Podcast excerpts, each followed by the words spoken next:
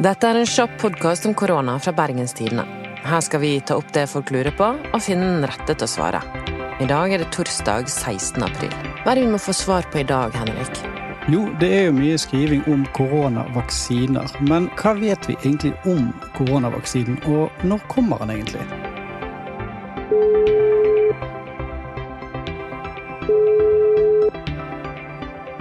Hallo, det er Rebekka. Hei, Rebekka. Anna fra Bergenstidene her. Ja, hei. Har du tid nå? Ja, det passer fint. Rebekka Cox, du er virusekspert og leder influensasenteret i Bergen. Ja, det er riktig. Nå har jo vi levd eh, her i Norge med koronaviruset i lang tid, og det forskes jo daglig på viruset. Hva vet vi nå som vi ikke visste for en måned siden? Ja, kanskje den nyeste studien som kom ut nå nettopp var veldig lovende, for det viste at det bruk av sånn alkohol, håndvask, er veldig bra hvis man bruker det for 30 sekunder. Da dreper man virus. Og vi hadde antydet at god gode håndhygiene var veldig viktig, men nå vet vi også at bruk av alkohol er veldig bra hvis det brukes for 30 sekunder. Så det er veldig, vi får mer og mer kunnskap for hver dag. Er det sånn at dere holder på å utvikle vaksine oppe hos dere?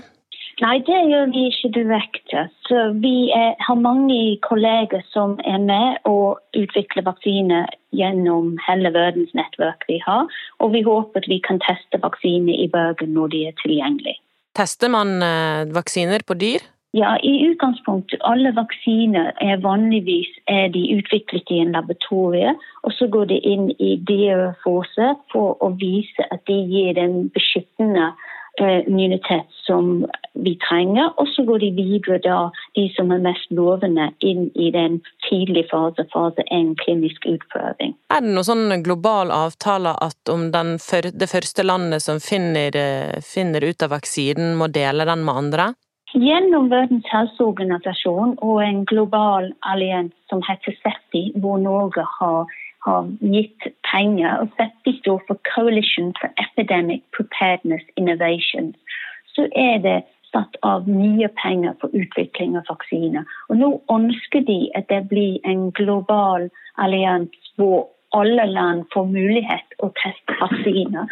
Så vi har en brei testing av vaksiner, så vi kan finne ut hvilken kandidat vil være best og gå videre til store utprøvinger, og forhåpentligvis gi oss en vaksine mot covid-19-infeksjon. Tror du det går litt sånn prestisje av å være den som først finner ut av den beste kandidaten på vaksinen? Ja, det er klart det er prestisje, men det er også en, en enormt global behov for at vi får effektive og gode vaksiner så fort som mulig. Så jeg personlig jeg heier på alle som utvikler vaksiner, og jeg krysser fingre på at de snart får de første resultater som er lovende, og vaksiner kan da gå videre inn til neste fase, og vi ser at den virkelig vil gi beskyttelse mot infeksjoner.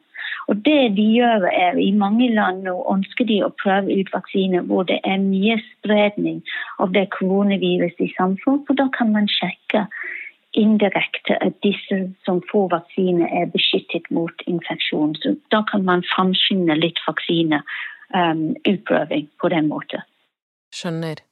Har dere fått uh, informasjon på at det er noen som har kommet langt i å finne en god vaksine? Ja, det er flere vaksiner som nå er i det tidlige fase av utprøving i, i, en del land rundt omkring i verden. Alle bruker litt forskjellige teknologi, så vi håper at uh, de første lovende resultatene kommer i mai.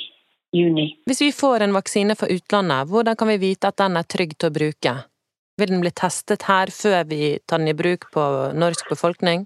Jeg tenker at det ville vært en god del personer som ville vært med og testet den vaksinen opp i flere tusen før det kommer til Norge. Og Da vil man ha sett på, på sikkerhet av vaksiner. Og det er klart at Legemiddelverket må også godkjenne en vaksine. Det vil følge det vanlige prosedyret som legemiddel bruker for vaksiner og andre medikamenter. Mm. Når tror du vaksinen kommer da, Rebekka? En optimistisk syn vil være om 18 måneder. Jeg tror det vil ta såpass lang tid før vi har en vaksine tilgjengelig. Og Derfor er det veldig viktig at vi følger myndighetsråd om sosial distanse og gode hygiene. Mm. Og holde smitte lav i samfunnet. Tusen takk for at du tok deg tid, Rebekka. Takk for at jeg var med. Ha det godt. Ha det, da. Vi er tilbake i morgen torsdag med et nytt spørsmål. Følg med på BT sin løpende koronadekning på bt.no. Mitt navn er Anna Magnus, og produsent var Henrik Svanevik.